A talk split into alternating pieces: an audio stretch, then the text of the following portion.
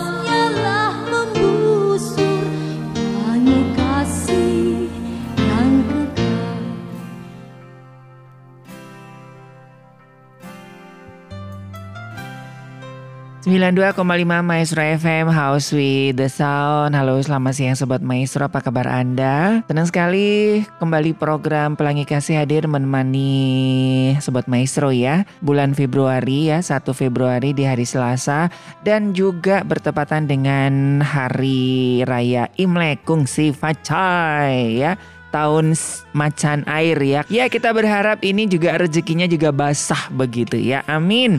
Ya, buat Anda Sobat Mesro yang juga sedang kumpul bersama dengan keluarga, merayakan Imlek begitu ya, kiranya semakin direkatkan ya keharmonisan keluarga begitu. Nah ini program yang luar biasa sekali, program yang baru ya kalau kemarin, tapi masih tetap bersama Pastor Ivan Nugroho ya, penulis buku Ayat Tanpa Wajah, sekarang udah bukunya udah selesai ini dia lagi nulis buku yang baru entah buku wajah siapa yang ditulis gitu.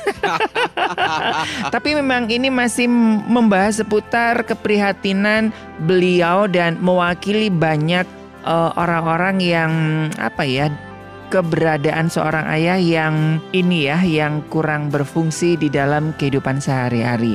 Nah, sobat maestro di program Pelangi Kasih di khususnya di hari Selasa pertama dan ketiga ya kita akan membahas satu tema besar dan ini juga menjadi satu warning ya bagi bangsa Indonesia karena sudah mendapat peringkat ketiga. Uh, ketiga apa dulu nih Pastor Wah, Ivan? Ini, ini bukan sebuah prestasi sebenarnya ya. Jadi ini tuh uh, sebuah prihatinan ya karena hari-hari ini aku baca sebuah artikel nih ya tahun tahun tahun lalu kalau nggak salah berhari hmm. ya.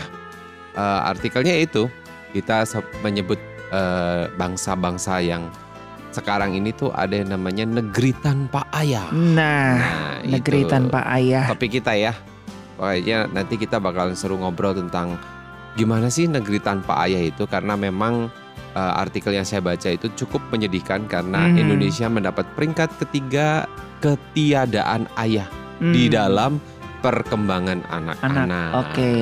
ini tetap konteksnya uh, peran ayah di dalam kehidupan anak-anak ya, Betul dan banget. keluarga ya. Tapi memang lebih lebih kuatnya ke anak-anak ya, karena iya. anak-anak ini adalah pembentuk generasi bangsa iya, begitu betul. ya. Kan generasi penerusnya itu sangat ditentukan oleh anak-anak kita. Iya, iya. Begitu betul. Bro Ari. Nah, uh, lucunya memang kita ini ada satu tingkat uh, eh satu tingkat di bawah Amerika Serikat sebagai runner up katanya. Oke, wah, mantap ya, luar biasa ya kita. Uh, Sebenarnya kita harus celebrate atau apa nih?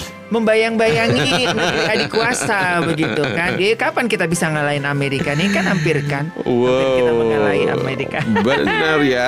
Tapi hopefully nanti ke depannya kita harus mengalahkan dalam hal yang baik ya. Iya, iya. Nah, betul. Sam sambil nih ya, Bro Ari ya, saya mm -hmm. tuh kayak pengen nanti uh, suatu hari juga di episode episode berikutnya ya. saya pengen nih denger cerita-cerita kisah-kisah dari para dari ayah. Sobat nah, uh, nanti ya. mungkin kalau misalnya memang mau ada cerita yang bisa ditulis atau ya eh, sebenarnya pengennya sih bentuknya tulisan aja supaya hmm, nanti saya hmm, bisa bacain bisa gitu ya. Oh ini kisah tentang para ayah yang hmm, ada hmm, mungkin hmm. di Tapi di kalau misalkan dari sobat maestro yang kepengen berbagi nanti bisa menghubungi kita ya supaya betul. kita juga ngobrol kita bareng bisa ya. ngobrol bareng ya. Nanti betul, bisa jadi betul. kayak semacam talk show gitu Betul, betul, supaya lebih betul. santai juga dan sebenarnya aku justru pengennya gini Bro Ari. Kayaknya ngobrolnya eh, kalau misalnya eh, para ayah ini mau berbagi, aku nggak mau para ayah berbagi tentang keberhasilan karena kalau keberhasilan itu pasti udah nyata eh, bahwa ya Hmm. itu gitu, resultnya kayak Hmm. begitu Hmm. gitu. Tapi aku pengen justru ka- para ayah ini berbagi tentang kegagalan, Kegagalan. kegagalan. Betul, betul, betul. Ya kegagalan yang maksudnya gini ya, maksudnya uh, bukan berarti sekarang kita masih tetap gagal, tapi Mhm, mungkin mhm. dulu pernah gagal dan Iya. sekarang mulai bangkit gitu Mhm. ya, dan uh, ada kemenangan-kemenangan yang diperoleh gitu oleh Mhm, para ayah. mhm. Jadi itu bisa jadi kesaksian ya buat. Tapi itu Hmm. apakah tidak melecehkan harga diri seorang pria Oh, menceritakan tidak. kegagalan? Kita harus mendobrak itu ya, Pak benar, benar, Sulaiman benar, ya. benar. Karena gini, uh, menurut aku justru ketika kita gagal dan kita menceritakan orang-orang di sekitar kita yang mengalami kegagalan pun merasa bahwa mereka tuh oh ternyata mereka nggak sendiri loh gitu. Hmm. Jadi akan ada lebih keterbukaan Iya, bagi iya. orang-orang yang saya juga pernah mengalami kegagalan Mhm. kok dan saya mau bangkit. Karena kalau Mhm. semuanya berhasil, semuanya berhasil pun dalam tanda kutip mungkin sebenarnya kayak uh, ditutup-tutupin Nah, mungkin dan lain itu. sebagainya. Jadi kayaknya justru akan membuat orang merasa ih kok dia sempurna banget ya. Ya. Saya malas sharing nih Betul, karena kan aku betul. kayaknya hidupku hanya cacing-cacing tanah, hanya sampah masyarakat gitu kan. Aduh begitu menyedihkannya dirinya begitu ya. Iya, jadi Iya. aku pengen betul, banget nih. Betul. Mm-mm. Aku juga mengikuti beberapa sharing ya dari orang-orang besar begitu ya. Ya oke lah apa namanya eh, sukses segala macam. Tetapi apakah memang dia tidak pernah mengalami kegagalan? Nah dari beberapa buku yang aku baca dan Mm-mm. beberapa survei justru eh, kegagalan-kegagalan dari orang-orang besar itulah yang nilai plusnya itu lebih bisa mendirect dan bisa membuat seseorang itu bisa Bangkit move ya. on bangkit begitu Benar. ya dan lebih strong Bener. Iya. begitu ya. Aku juga kalau misalnya baca tentang satu tokoh gitu ya, terus dia menunjukkan sebuah kegagalan gitu kayak jadi motivasi nggak sih? Jadi kayak oh iya ya ternyata dia manusia biasa yang Hmm, yang Hmm. pernah gagal dan akhirnya bangkit. Artinya berarti kita bisa gitu. Maksudnya Hmm, untuk untuk bisa hmm. menang itu bisa banget. Iya, iya. gitu. Aku kemarin itu ngikutin salah satu talk show yang eh, apa namanya kayaknya geleh gitu ya, maaf pisan begitu. Hmm. Jadi ada narasumber yang dia tuh kayaknya gengsi banget mengakui kesedihan, kelemahan, Mm-mm. kekurangannya gitu loh. Mm-mm. S- sampai si si presenternya itu kayaknya dia yang memaparkan begitu si Miss Mary itu kan di Oh, acaranya oke. impossible begitu kan Heeh. Eh, itu kan jadi ada narasumber yang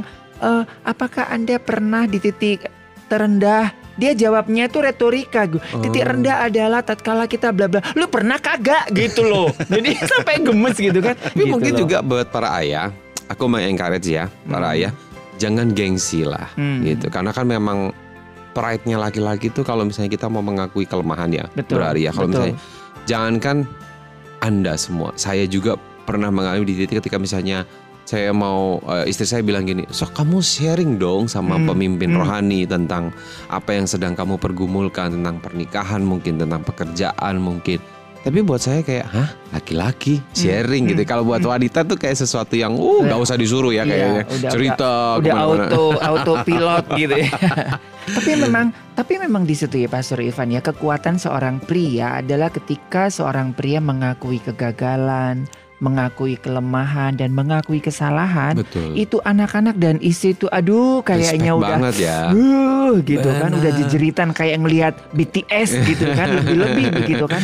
Jadi para ayah akan jadi idola buat Dan keluarga. itu yang memang dirindukan ya di Benar. dalam sebuah keluarga ya. Bener. dari istri dan anak si papi ini kok kayaknya gengsi banget sih ngakui salah Mhm, kok mhm. gengsi banget sih ngakuin bahwa dia nggak bisa begitu kan Iya, tanpa bermaksud untuk menghakimi Iya, iya, ayah-ayah iya, iya. zaman dulu ya, maksudnya termasuk para ayah saya ya, bahwa ya itu kadang-kadang kita terlalu gengsi untuk mengakui kesalahan kita sehingga mereka melihat bahwa mu- bahkan mungkin anak-anak sebenarnya tahu bahwa para ayah juga berbuat salah gitu Mhm, kan, mhm, tapi kok mhm. ayah tidak mau minta maaf, sementara kita menuntut anak-anak untuk meminta Mhm, maaf mhm, ketika mhm, mereka berbuat mhm. kesalahan.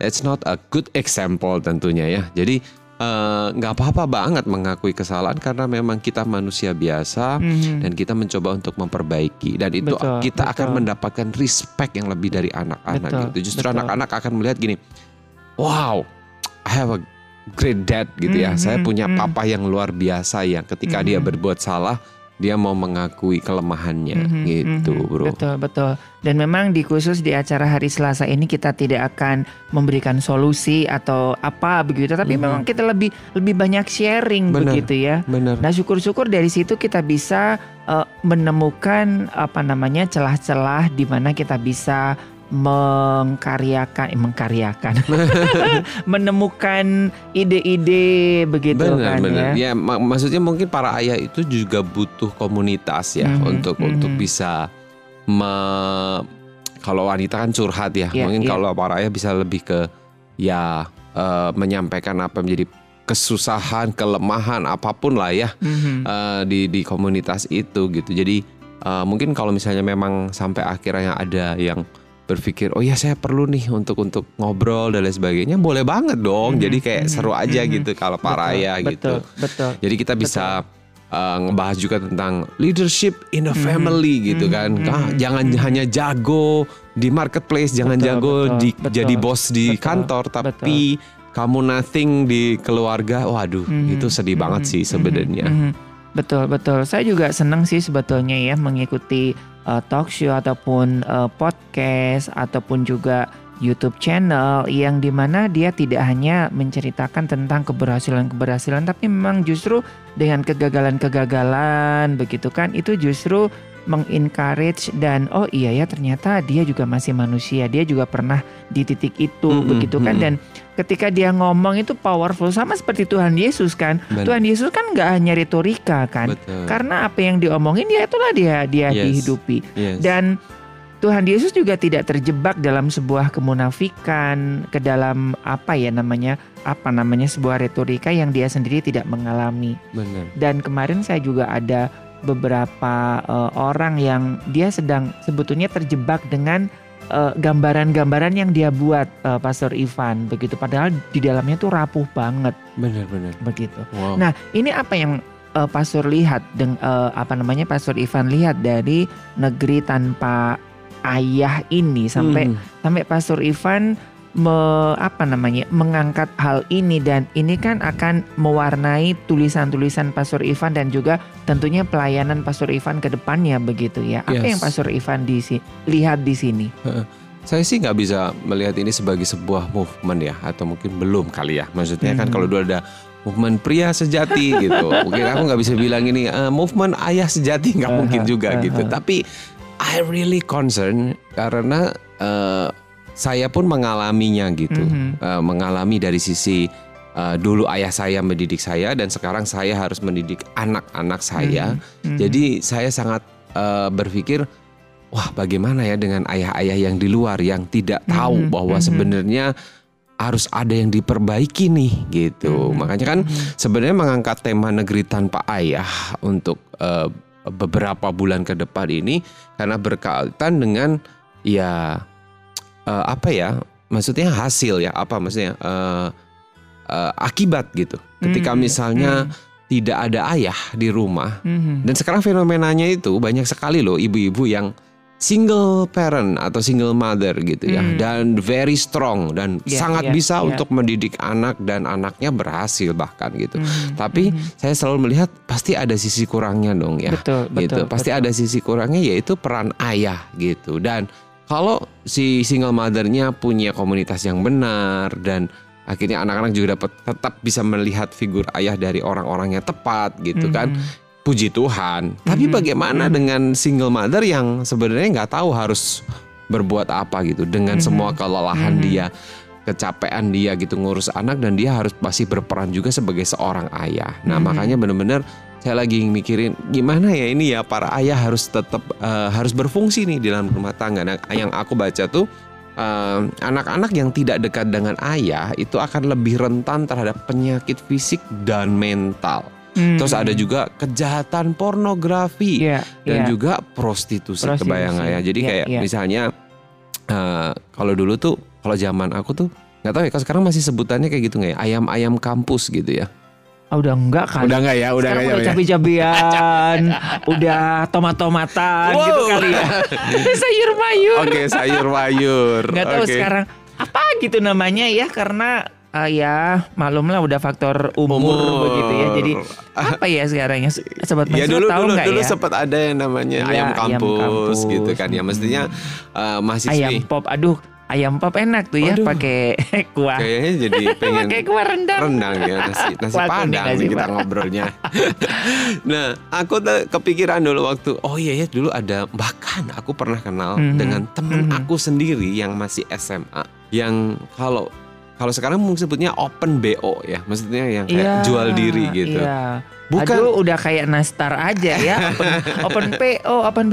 Tapi memang itu ya eh, apa namanya ya eh, emang cukup miris cukup miris sekali cukup Bener, miris sekali. bener. Jadi aku sampai ngeliat, wow. Jadi kayak kalau di di sekolah tuh kayak kayak bang apa awut-awutan gitu. Jadi kayak kayak kalau ba- berangkat ke sekolah kan kita biasanya kalau anak-anak yang normal rapi dan sebagainya. Ini mah kusut loyo gitu kalau di kelas Mhm. tidur gitu aku tahu ini pasti habis dugem habis apa segala macam Mhm, nah mhm. Nah itu uh, mungkin sebenarnya bukan hanya soal gue mau cari duit ah gitu ya atau memang ada kebutuhan secara ekonomi. Mhm. Tapi mungkin lebih ke personal touch kayak Oh. kayak karena kurangnya kasih sayang seorang ayah, butuh pelukan seorang laki-laki. Tapi kan gitu. itu sering kali dijadikan alasan klasik Pastor Mhm, Ivan mhm. gitu loh kan. Jadi eh, saya kan suka ikut Satpol PP ataupun apa nangkepin anak-anak begitu kan. Ya saya kan butuh kasih sayang, kurang kasih sayang gitu kan. Itu kan seakan-akan jadi alasan klasik Iya. kan gitu kan. Kemarin kita juga bahas tentang anak-anak jalanan gitu kan. Alasannya kan itu kan jadi jadi seperti apa ya? Kayak seperti alibi Mhm. yang mencari pembenaran. Aku kan kurang kasih sayang, kurang Mhm. apa. Nah sekarang mungkin Apakah nanti anak-anak anak mungkin anak-anak lebih Saudara? lebih nyadar sekarang gitu bahwa memang ya mereka membutuhkan itu Man- Hmm. bagaimanapun juga manusia itu membutuhkan itu gitu kebutuhan emosional yang hmm. harus terpenuhi terutama uh, yang sifatnya oh ini harus dipenuhi oleh para ayah dan Hmm, anak-anak hmm. mengakui bahwa memang mereka butuh itu gitu dan mungkin mereka lebih cerdas sekarang bahwa mereka tahu bahwa itu kebutuhan itu sebuah kebutuhan gitu jadi Hmm, bukan hmm. sebuah hanya sebuah alasan tapi memang harusnya ini menyadarkan para ayah bahwa we have to break kita harus mem- mem- membreak mem- mematahkan semua yang harusnya kita memang berikan kepada anak-anak kita harus berikan selama ini Mhm, mungkin kita berpikir mhm. bahwa ah udah ah itu cuman alasan aja apa segala macam iya, tapi dah iya. memang mereka butuh gitu Mhm. seperti itu loh bro dan dan yang paling paling menurut aku agak krusial nih adalah bahwa ternyata peran ayah itu sangat bisa uh, mempengaruhi uh, bagaimana anak-anak akan menentukan identitas identitas Hmm. seksual.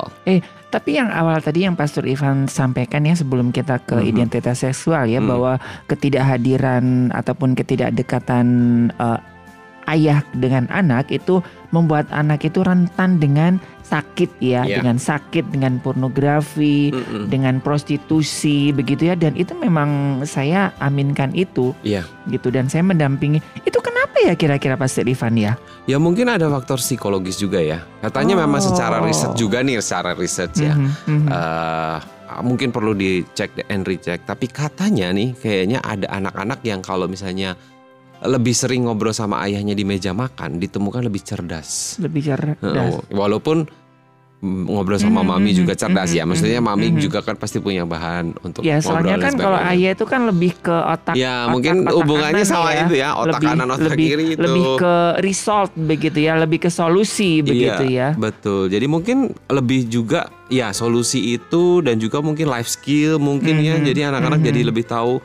eh, kalau aku sih, aku jujur ya eh, sedikit cerita tentang ayah aku. Sekali lagi, kalau saya cerita tentang ayah aku bukan aku menyesali, Mhm. bukan aku menjelek-jelekan, tapi memang mungkin dulu ayah aku juga nggak tahu how to do it gitu ya. Mhm, mhm. Jadi eh, kedekatannya hanya sekedar sekedar kedekatan secara emosional, Eh, tapi ayahku tuh nggak kasih value sebenarnya. Hmm. Jadi kayak eh, how to become a man gitu ya. Hmm. Bagaimana menjadi laki-laki Ya, yang ya. sejati gitu ya. Contoh misalnya kalau di rumah misalnya hanya ada mama dan adik perempuan, berarti kalau misalnya ada sesuatu yang rusak siapa yang ngebenerin Hmm, betul, gitu kan. betul, nah, betul. seharusnya ayah itu memberikan contoh gitu bahwa you have to do it. Kamu harus benar-benar berperan sebagai seorang leader di situ dan leader Mhm. itu bukan komen, bukan cuman kasih perintah, Mhm. tapi do it, do something Mhm. gitu. Kalau Mhm. bo- genteng bocor, aku tuh pernah ketemu gitu bahwa ada ada ibu-ibu yang komplain, wah Pastor Ivan, tahu nggak kalau di rumah yang genteng." ngebenerin genteng itu aku bukan suami aku. Ya gimana ya, maksud aku kalau misalnya memang suaminya juga nggak bisa ngebenerin genteng, kenapa nggak suaminya yang order gitu? Maksudnya Mhm, ah kita mhm. panggil tukang kek atau Mhm, apa gitu mhm, dan nggak mhm. harus istrinya yang naik gitu, Mhm. ngebenerin lampu lah segala Iya, macam iya, gitu iya, kan. iya, Jadi iya. Eh, dulu papa aku tuh nggak pernah kasih contoh ke sana. Jadi aku Mhm. juga ngerasa bahwa aku kayaknya nggak pernah dapat value-value tentang kelaki-lakian ya. Mhm, Menjadi mhm. pria yang benar tuh Iya, seperti iya, apa iya. sih? Eh, kalau misalnya aku lagi jatuh cinta, aku teh harus nembaknya kayak gimana sih Mhm, gitu. Nah, mhm. pria itu kayaknya harus berperan banget tuh, as- especially ketika kita menghadapi anak-anak yang hormonalnya lagi naik turun, naik betul, turun betul, gitu kan. betul, Jadi betul. eh, para ayah please lah gitu ya mari mari kita benar-benar berfungsi karena Mhm, ya itu mhm, tadi mhm. eh, kalau yang Bro Ari tadi bilang tentang eh, bisa sakit secara ini dan sebagainya bisa jadi karena memang Betul. secara psikologis Iya, ya iya, itu mempengaruhi ya Eh, ini ngomongin tentang keluarga aku sendiri ya dan juga beberapa keluarga gitu ya ketika eh, anaknya sakit begitu di- didatengin bapaknya begitu ini bukan faktor sugesti ya tapi Hmm. memang bener anaknya itu langsung sumringah. Sumringah langsung, Langsung sembuh ya udah ya, boleh get well pulang gitu begitu. Ya. jadi senang banget gitu. Apakah bisa jadi bisa jadi. Nah itu ya, itu itu itu yang itu yang ya itu hanya faktor ini ya faktor entahlah apa itu namanya begitu ya. Nah mungkin ada sobat-sobat maestro yang dari sisi medis mungkin begitu ya. nah ya siapa tahu mungkin bisa menjelaskan Iya ya. iya iya Bagus gitu. banget Iya iya. Apa ya jadi dari anak-anak ya eh, apa namanya yang eh, sakit sakit sakit apa pun lah gitu ya. Jadi itu anaknya tuh lebih imunnya tuh kayaknya lebih adrenalinnya tuh lebih gimana ya lebih lebih lebih cepat recovery-nya juga Hmm. lebih cepat.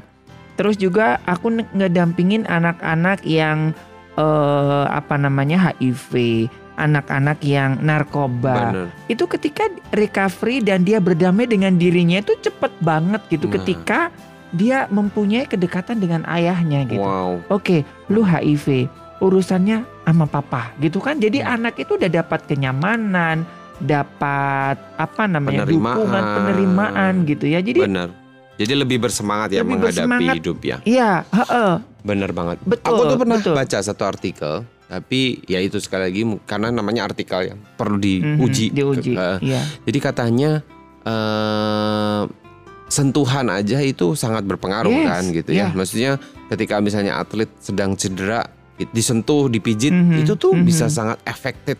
Itu sentuhan Mhm, seorang eh, Coach, seseorang ya, seseorang yang betul, betul. yang yang misalnya kita lagi demam. Dulu aku pernah praktekin tuh kayak dulu Mhm. uh, istriku selalu bilang gini nanti kalau misalnya anakmu demam kamu buka baju ya dia suruh buka baju kamu peluk anak kamu jadi itu Wow, kayak itu- transfer Aduh kayak sesuatu. Tai Chi Kung, kayak Ingat inget gitu ya? Jet Li. film Yoko Yoko Yoko, Bibilung transfer itu ya Iya, tapi memang itu apa ya? eh itu itu itu itu aku akui gitu loh. Jadi eh aku inget ya satu satu ketika gitu ya ada ada aku itu nggak tahu waktu itu sakit apa gitu ya. Jadi jadi yang iniin itu si papa itu inget momen-momen terbesar gitu ya. Hmm. Jadi aku sakit apa pokoknya si papa udah pasrah udah dia peluk aku gitu. Eh ternyata aku hidup gitu. Wah, gitu kan. Jadi kau Oh, diberikan ternyata- kesempatan kembali Iya gitu. Jadi aduh ya buat aku eh, itu itu momen yang luar biasa ya papi aku nggak memberikan warisan harta kekayaan Mbak Heeh. Sultan begitu ya tapi apa namanya satu pelukan itu yang menghidupkan aku dan mengubahkan jalan hidupku yang nggak karu-karuan itu betul itu yang jauh lebih lebih memorable buat Yes. aku gitu. wah itu keren banget itu keren Mhm, banget nah mhm. itu uh, sebuah peringatan buat para ayah juga untuk untuk jangan lelah-lelah juga jangan uh, sungkan-sungkan jangan Mhm. kagok-kagok Mhm. jangan ini untuk untuk memberikan uh, kasih sayang berupa Mhm. sentuhan, pelukan Hmm. kepada anak-anak. Ya mungkin setiap pribadi itu kan mungkin dibesarkan dengan gaya Gaya ke- hidup eh, yang- gaya hidup berbeda budaya ya, budaya yang berbeda betul. Jadi bahasa mungkin cinta yang oh nggak pernah tuh di kalau di keluarga kami nggak pernah tuh peluk-pelukan gitu ya. Mhm. Istri aku kan mengalami sebenarnya di keluarganya dia itu bukan betul. keluarga yang hangat. sama Jadi sama keluarga yang keras. Waktu aku di Mapet aja kayaknya risih, suruh peluk-pelukan apaan sih? Dan nggak tahu, nggak pernah itu gitu.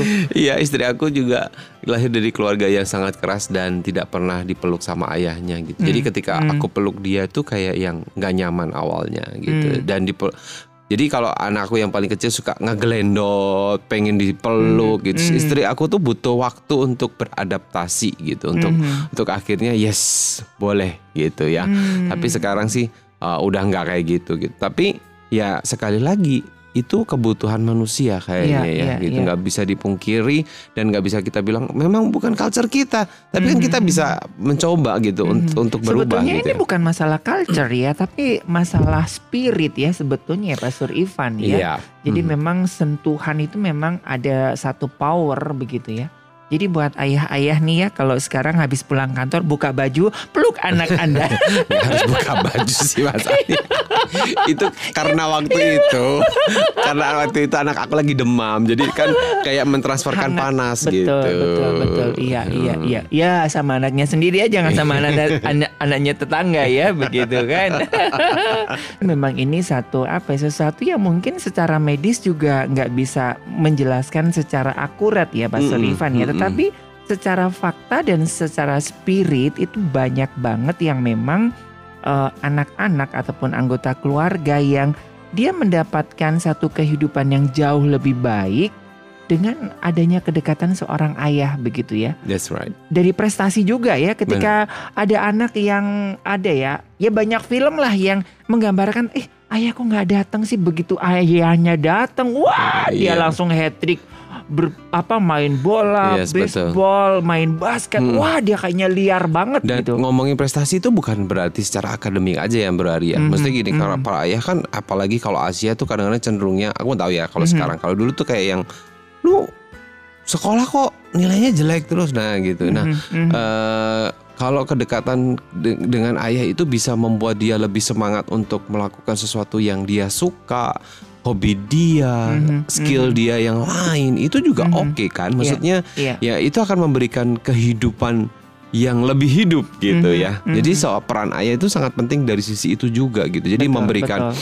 eh, kayak kayak istilahnya tuh menemukan apa yang menjadi kekuatan anak kita dan Mhm, memberi mhm, support gitu. Ja- mhm. Bukan justru membuat anak kita jadi down dan terus aja kita semacam membuli gitu anak Betul, kita bahwa kamu kok matematikanya jelek, kok kamu Ah itu kan Mhm, berarti mhm. sebenarnya membuat mereka jadi lebih Iya. rendah diri dan lain sebagainya. Betul, betul. Sekali lagi kita tidak mengecilkan peran ibu ya. Udah ibu itu nggak ada tandingannya deh gitu kan. Cuman karena memang ada banyak masalah yang memang eh, dari sisi-sisi kehidupan yang memang dalam tanda kutip kuncinya itu dari ayah gitu loh. Yes. Iya, yang betul. sebetulnya Sumbernya. sumbernya begitu ya. karena kan ya ayah kan kepala begitu kan jadi ya mau tidak mau sekali lagi kita tidak mengesampingkan dan mengecilkan peran wanita itu udah luar biasa lah ya tapi memang yang kita bahas memang inilah ya Mm-mm. kita mem- fenomenanya ya. memunculkan rasa tang apa rasa tanggung jawab kayak ap, diapain aja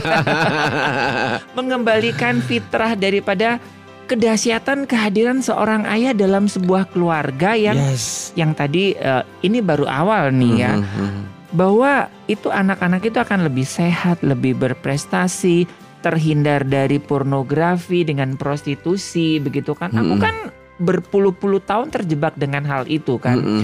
Koko saya itu dengan Narkoba. ini dengan narkoba, dengan drug, dengan Hmm. obat-obatan, dengan rokok, dengan minuman begitu. Mhm. Sementara aku dan adikku terlibat dalam eh, eh, pornografi dan identitas yang gak karu-karuan begitu Pastor Hmm. Ivan dan sakit-sakitan. Tapi benar ketika aku ketemu dengan ya dengan Pastor Ivan, dengan beberapa komunitas pria-pria itu kayaknya aku lebih strong gitu Hmm. secara fisik ya, secara Iya. fisik, secara pi- pikiran Hmm. gitu kan. Mhm. ya Termasuk mungkin dalamnya adalah mental health ya. men yes Kan sekarang itu kayak lagi tren banget lagi mental ya health ya gitu ya. ya Especially di masa pandemik ini gitu, anak-anak tuh kayak lagi stres banget gitu dengan dengan semua sekolah Mhm, online mhm, dan mereka mungkin mungkin mereka sebenarnya nggak nggak terlalu tahu tentang pandemik itu bakalan ada apa, Mhm, tapi mhm. pasti akan tetap terdampak melihat Mhm, mhm. situasi rumah tangga orang tua Mhm, mereka dan lain sebagainya itu pasti terdampak gitu. Iya. Jadi makanya peran ayah itu untuk bisa uh, membuat anak-anak ini lebih sehat secara mental itu juga penting. Kemarin Mhm, waktu mhm. kami sekeluarga kena covid nih bro, sedikit Mhm, cerita ya. mhm. Jadi kami berdua saya dan istri memutuskan Sekeluarga ya? Sekeluarga. Nah, tahun kemarin ya tahun kemarin. Jadi uh, kan anak-anak pasti panik ya kalau misalnya Mhm, kita kena mhm. COVID karena kalau dengar di luar tuh COVID itu sangat berbahaya dan sebagainya. Jadi waktu akhirnya kami uh, tes swab uh, untuk pertama kalinya, saya bilang uh, istri saya bilang sama saya gini, istri saya uh, mengencourage banget. Dia bilang pokoknya nanti apa pun hasilnya Mhm. kita harus tetap bersuka cita di Mhm. hadapan anak-anak kita nggak boleh panik kita nggak boleh jadi kita kasih tahu anak-anak kita jadi kita benar-benar kayak bikin eh, ini apa kayak eh, seolah-olah mempraktekkan Mhm. nanti kalau mami lagi ada di kamar kamu koko yang bantuin dede Mhm. dede yang eh, koko yang Dibuat eh, simulasinya simulasinya begitu ya. gitu supaya mereka nggak panik mereka nggak nah secara secara mental mereka jadi merasa tersupport gitu maksudnya Mhm. walaupun mereka juga kena gitu Mhm, kan tapi mhm. kami akhirnya pisah kamar karena mereka tidak bergejala kami lebih bergejala Mhm, gitu jadi mhm. akhirnya eh, saya yang kasih tahu ke pokoknya ke ke anak saya yang paling besar untuk pokok pokoknya you are the leader gitu ya maksudnya Mhm, kamu buat dede mhm. itu buat eh, jadi leader kamu yang bantuin ini minum Mhm. obat dede vitamin segala macam kasih Mhm. makan segala macam buat dede gitu dan di situ ya mereka fun aja gitu jadi walaupun kami dalam keadaan covid dan sedikit tegang kami Mhm. banyak sih tegangnya maksudnya Mhm. karena kita belum pernah sama Iya, sekali sebelumnya Iya terus dan tahun ada- kemarin iya, itu kan betul. memang yang lagi puncak-puncaknya tinggi-tingginya begitu gitu ya. kan. Jadi secara mental juga mereka nggak down dan eh, ya kami bisa melewati lah Mhm, gitu. mhm. Nah itu penting banget tuh Betul, mental betul, health ya. betul, betul. Iya. Ya mudah-mudahan siang hari ini ada rekan-rekan medis ataupun rekan-rekan ya medis ya kayaknya ya. Itu yang itu yang saya kepingin tanyakan gitu. Apa sih eh, apa namanya eh, penjelasan ya. secara secara, Secara medis, medis. bagaimana kehadiran seorang ayah dengan kesehatan dengan tingkat imunitas dan eh, ini coba nanti ya aku coba searching ya Iya. syukur-syukur nanti ada dokter Jonathan mungkin bisa dengar siang hari ini ya gitu. Nah itu ya memang eh, kedekatan seorang ayah itu eh, tadi di faktor yang pertama. Nah Mm-mm. yang kedua ini kan lagi juga banyak banget nih Mm-mm. yang sekarang di Pastor Ivan mau bahas begitu ya Ya, kedekatan seorang ayah mempengaruhi, Mempengaruhi identitas seksual. identitas seksual baik Pria. laki-laki ataupun wanita Iya. begitu. Dan beberapa waktu lalu kan sempat kita bahas ya. Iya. Gitu. Mm-mm. Waktu ayah tanpa wajah itu ya di sisi-sisi terakhir ya. Mm-mm. Jadi sangat ber- sangat sangat eh, concern buat Mhm. para ayah untuk uh, berperan banget buat anak-anaknya supaya anak-anak itu ketika mereka uh, mulai menginjak masa-masa remaja itu hormonalnya kan mulai muncul dan Mhm. mereka mulai berpikir uh, apa ya maksudnya menentukan uh, saya itu bakal suka perempuan atau suka laki-laki gitu-gitu Nah kira-kira eh, dari pengalaman Pastor Ivan ya, ya kan kita kan apa namanya ya eh, nggak bisa apa namanya, men- ya identitas kan seperti itu ya Mhm. laki-laki atau pe- identitas seksual nih sobat maestro ya. Iya. Nah eh, kan apa ya, apa ngaruhnya gitu loh? Soalnya ada beberapa beberapa orang tua yang saya pikir apa ya guidance-nya gitu loh Pastor Ivan ya Hmm, sama hmm. guidance-nya supaya pembentukan identitas seksual anak itu benar gitu ya. Eh, benar Mm, gitu mm, loh. mm. Soalnya kan tiap-tiap ayah kan beda Iya, iya. budaya, beda Heeh. konsep, beda pemahaman. Benar. Ada yang anaknya dilatih oh harus ikut Taekwondo taekwondo silat. Eh ternyata humpi Pak Alaihum gambreng gitu kan. itu istilah gitu. ya, pantuk, oh itu kan udah komplit banget gitu kan. Gitu kan. Duri tulang lunak begitu kan Aduh. anaknya. Nah, itu ada ada ada yang hari-hari ini saya juga menanganin hal itu begitu. Ayahnya tuh seorang jagoan eh, aduh jadi keceplosan ya. Jadi itu keras banget. Mendidik anaknya tuh dengan begitu keras eh ternyata anaknya hum pimpa alaihum gambreng gitu kan gitu Iya iya. Sebenarnya tidak ada guidance yang pasti. Maksudnya gini, Nah. sekali lagi kan kita ini kita lagi nggak nemuin memang membicarakan tentang Ini solusi sharing ya, aja sharing ya aja ya. ya. Ya, tapi paling pen- yang paling utama adalah memang fungsi seorang ayah itu harus benar-benar ada di dalam sebuah rumah. Karena kan Hmm. ayah itu teladan nih ya. Jadi Hmm, terutama nih hmm. kalau misalnya kita ngomongin seorang eh, anak laki-laki gitu ya. Hmm. Ini nih ini ngomong praktisnya aja ya. Berarti kalau di, di di anak laki-laki, oh ayah itu akan jadi sangat jadi eh, apa ya sorotan gitu. Oh saya kan Mhm. laki-laki. Mhm, mhm. Apalagi mungkin mereka udah mulai mengidentifikasi, oh Iya. kalau laki-laki itu bentuk tubuhnya seperti ini, Iya, iya. alat kelaminnya seperti ini gitu. Oh Mhm, berarti dia mhm. mulai mengidentifikasi. Nah setelah identifikasi secara bentuk tubuh dan sebagainya, mungkin mereka akan mulai mengidentifikasi secara perilaku gitu Hmm, kan. hmm. Jadi oh perilaku seorang laki-laki tuh harusnya begini. Oh nggak boleh gemulai. Kalau gemulai, oh mainnya harus yang mobil-mobilan gitu ya.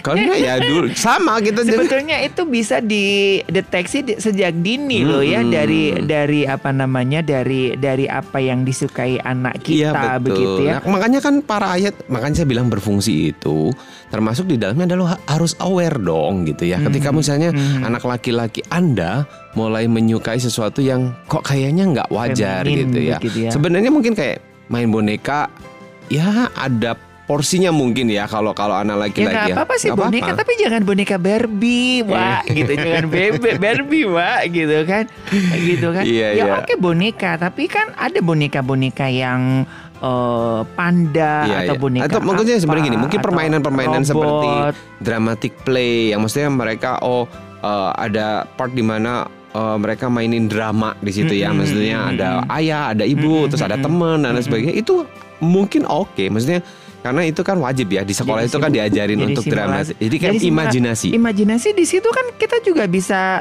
eh, tahu ya. Mm. Kalau saya dulu drama-dramaan itu biasanya jadi babu, ya mbak-mbak, ya, dan jadi mamah begitu. Nah dari situ terus kalaupun toh nyanyi-nyanyian gitu kan, aku pingin rambutnya panjang. Wah ini kan berarti nah sudah ya. ada ada bibit-bibit yang Betul. harus diselamatkan nih.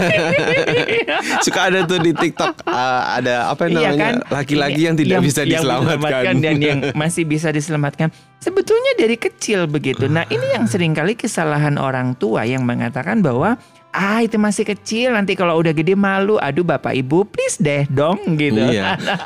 harus harus dikoreksi Nanti akan loh. telat harus loh. harus Iya, dikoreksi bener. karena ya gitu kan tadi mungkin ah, kita merasa malas untuk mengkoreksi para ayah mungkin ngerasa bahwa ah nanti juga akan berubah sendiri. Oh, Mhm. tidak bisa. Itu tuh harus diarahkan. Iya, Itu iya. tuh benar-benar harus dicontohkan dan dikasih tahu gitu. Saya ke anak-anak anak-anak saya juga kasih tahu kalau misalnya ada kesalahan nih misalnya nggak sopan dan sebagainya, kita Hmm. simulasi lagi gitu. Maksudnya Mungkin juga dengan kasih tahu. caranya ya Pak Surifan Mm-mm, ya mm-mm. tidak tidak anak itu kan jangan sampai dibuat semakin anak takut itu kan dia akan seperti Pak Surifan mengatakan kan semakin dia akan melakukan itu Betul, gitu ya. Betul. Jadi ya memang the way-nya kita harus berpikir bahwa uh, nggak boleh uh, terkesan kita tuh menghakimi, terkesan Mhm, kita mhm. uh, apa ya otoriter dan sebagainya. Mhm. Memang harus uh, lebih ke komunikasi yang lebih baik dan uh, tentu harus ada value, virtue yang kita masukin dan ada alasan moral apa yang memang kita mau berikan Hmm. kepada anak kita gitu. Nggak bisa Mhm. cuman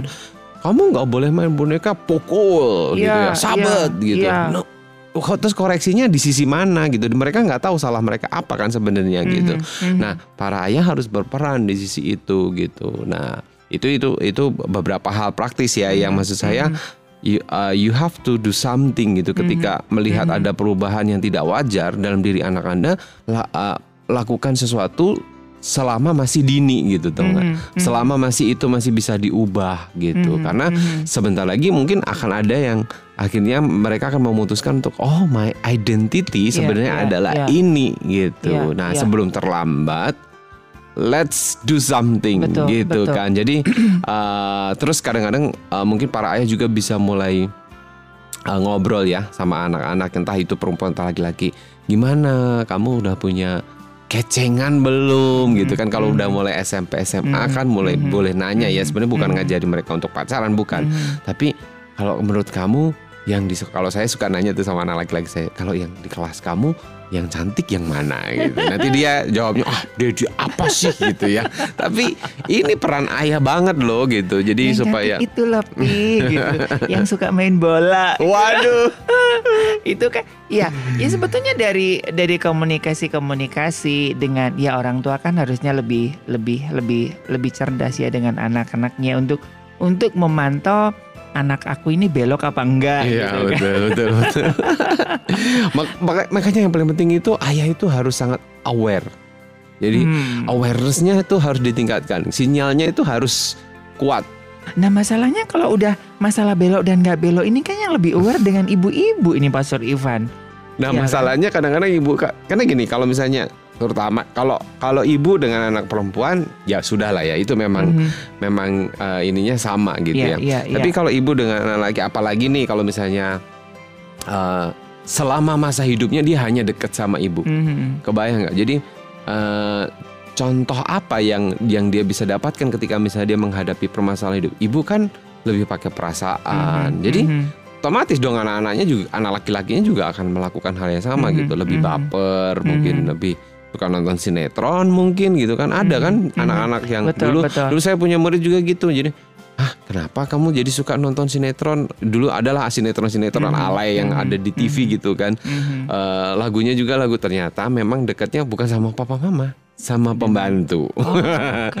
nah itu juga mungkin akan jadi salah satu pembentuk identitas jadi Mhm, dalam kehidupan anak-anak. So Mhm. we need to be aware ya. Mhm, mhm. Bahkan mungkin eh, ya terutama buat para ayah lah ya. Eh, Mhm. saya sih menyarankan untuk mulai deteksi sejak sejak dini Iya, lah ya iya. gitu. Jadi Ya. eh, sinyal kita harus sangat kuat, jangan Mhm. lemot, jangan sungkan untuk segera mengkoreksi and do something gitu. Kalau Mhm. memang kita Mhm. ternyata itu salah, Ya. ya harus dikoreksi dong, harus segera Oke. dong gitu. Nah, eh, menurut Pastor Ivan ya, ini ini juga dari eh, pertanyaan beberapa eh, orang begitu ya.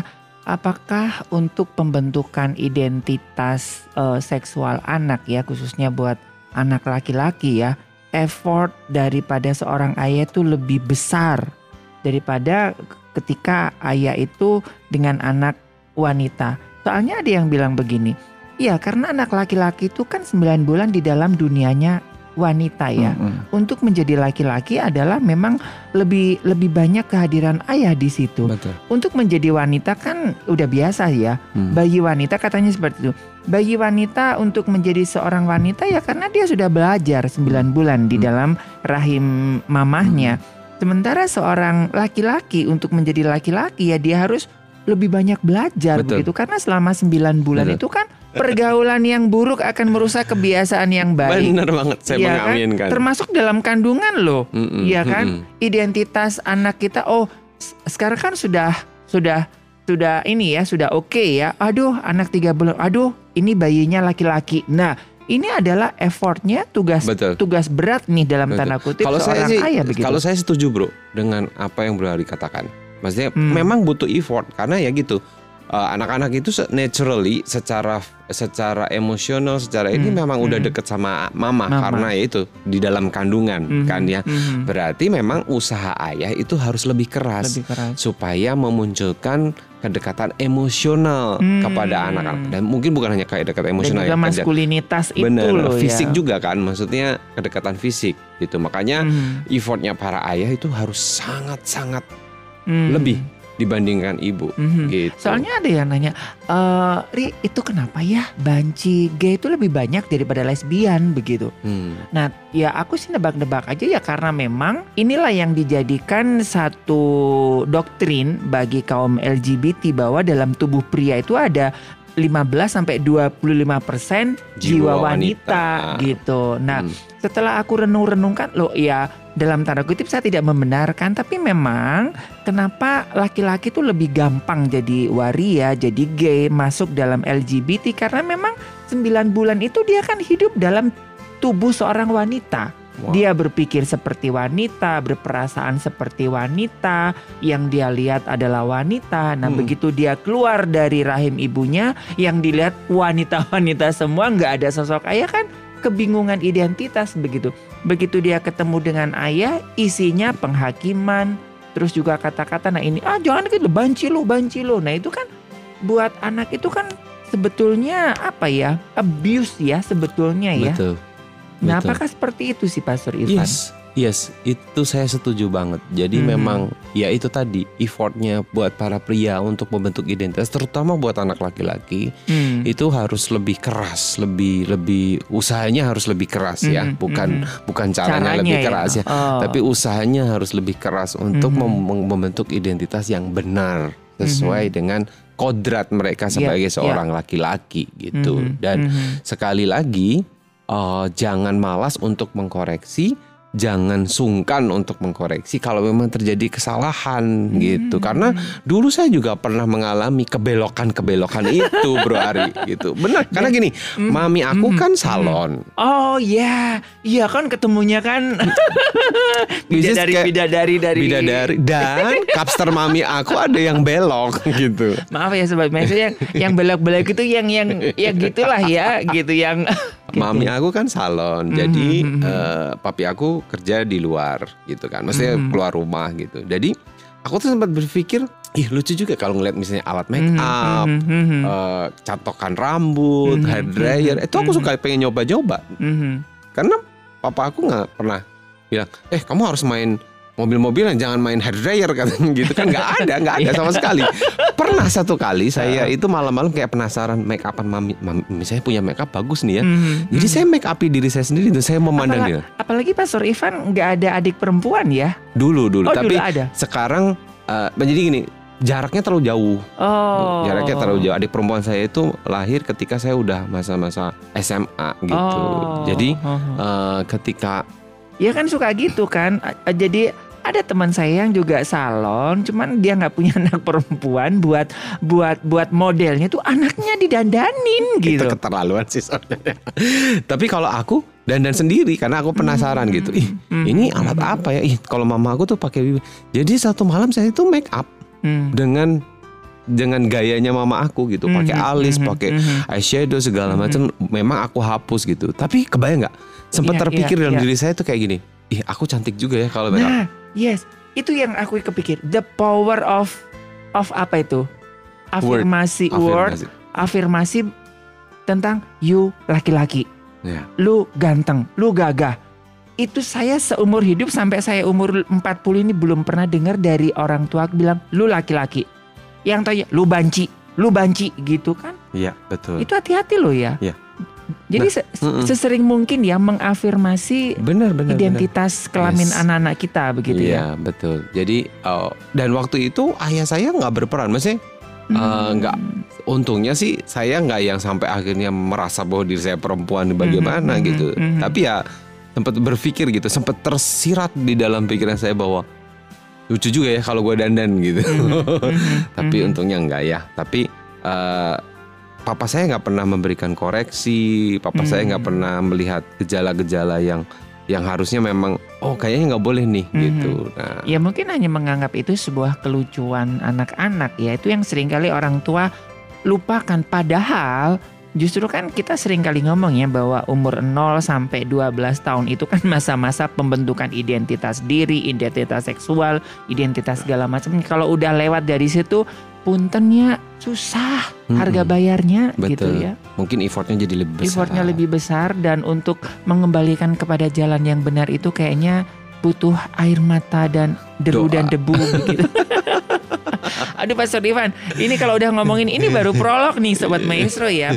Mungkin Sobat Maestro juga punya pengalaman-pengalaman ya Pastor Ivan dan saya apalagi begitu kan bukan orang-orang yang sempurna ya. Tapi kita sedang belajar untuk menjadi sempurna ya karena Tuhan kita juga sempurna Benar, ya.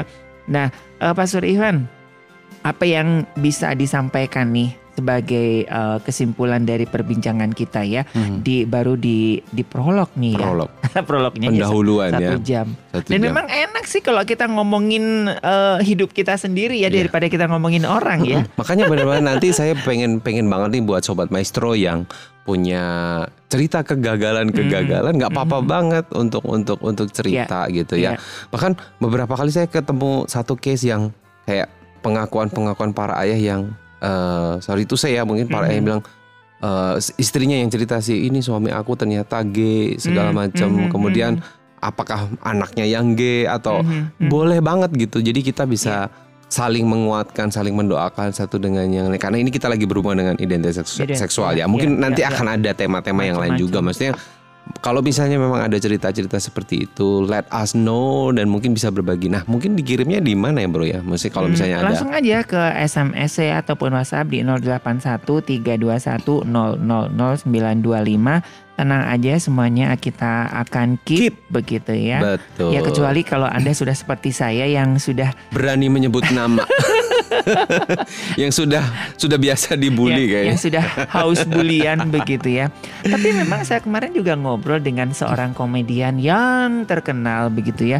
Justru masa lalunya yang paling buruk, yang paling bejat pun itu justru jadi modal membuat dia untuk kaya, Wow. diundang, Mm. ya kan? Seperti Kiki ya. Ya. Kiki itu mengatakan bahwa oh ternyata ya saya dulu gagal kawin kehidupan saya yang rusak itu justru modal buat dia membuat sebuah komedi Mm, mm, mm. dan itu mahal loh sekali ngundang dia berapa ratus juta. Iya ya, Coba kalau dia tidak mempunyai pengalaman itu kan, benar. justru itu Pengalaman-pengalaman kegagalan betul, ya. betul, betul. Iya, buat para ayah saya mengencourage supaya yuk kita sharing sama-sama Mhm, mhm. eh, cerita-cerita kita gitu untuk mengencourage eh, para ayah yang ada di luar sana yang Mhm. mungkin hari-hari ini sedang menghadapi eh, kesulitan, mungkin menghadapi kejenuhan, mungkin Mhm, menghadapi mhm. eh, mental health yang sedang bergonjang Betul, gitu ya. betul, betul. Jadi itu bisa menjadi berkat Mhm. buat orang-orang di Mhm. sana ya. Mhm, Yang saya ingatkan adalah yuk kita lebih aware bahwa Ya. kita memang sangat dibutuhkan betul. di keluarga kita. Kami butuh ayah.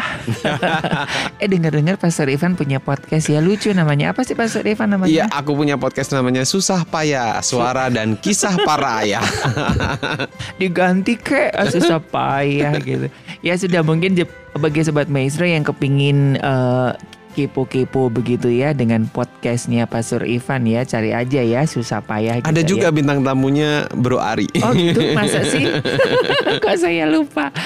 Oke, iya semoga ini bisa menjadikan satu wadah ya buat buat sobat-sobat maestro untuk kita berbagi begitu ya bahwa kita juga masih manusia yang membutuhkan satu dengan yang lain dan kebetulan di tema bulan Februari ini adalah kerendahan hati begitu ya. Baik sekali lagi Pastor Ivan terima kasih buat siang hari ini. Sama-sama Mohon Ari. maaf ya eh, karena Anda harusnya Anda yang kasih saya angpau ya karena kan saya jomblo begitu ya. Jadi saya hanya bisa memberikan doa. Jomblonya harus ada standar umurnya. Oh kayaknya. nggak ada ya. Jomblo forever ya supaya dapat angpau tiap tahun ya. Oke sekali lagi Pastor Ivan terima kasih buat siang hari ini. Sukses terus buat pelayanannya. Salam buat keluarga. Dan dari Gera Maestro Jalan Kaca Piring 12 Bandung saya Ari dan juga Pastor Ivan eh, penulis buku Tanpa Ayah Ayah tanpa Eh, wajah. Ayah Tanpa Wajah dan juga podcastnya Susah, Susah Payah Payah. ya S- apa Suara dan kisah. Suara dan Kisah Para, Para ayah, Ayah. begitu ya mengundurkan diri tetap jaga protokol kesehatan dan Tuhan 今 memberkati 年发大财，恭喜发财，恭喜发财，招财进宝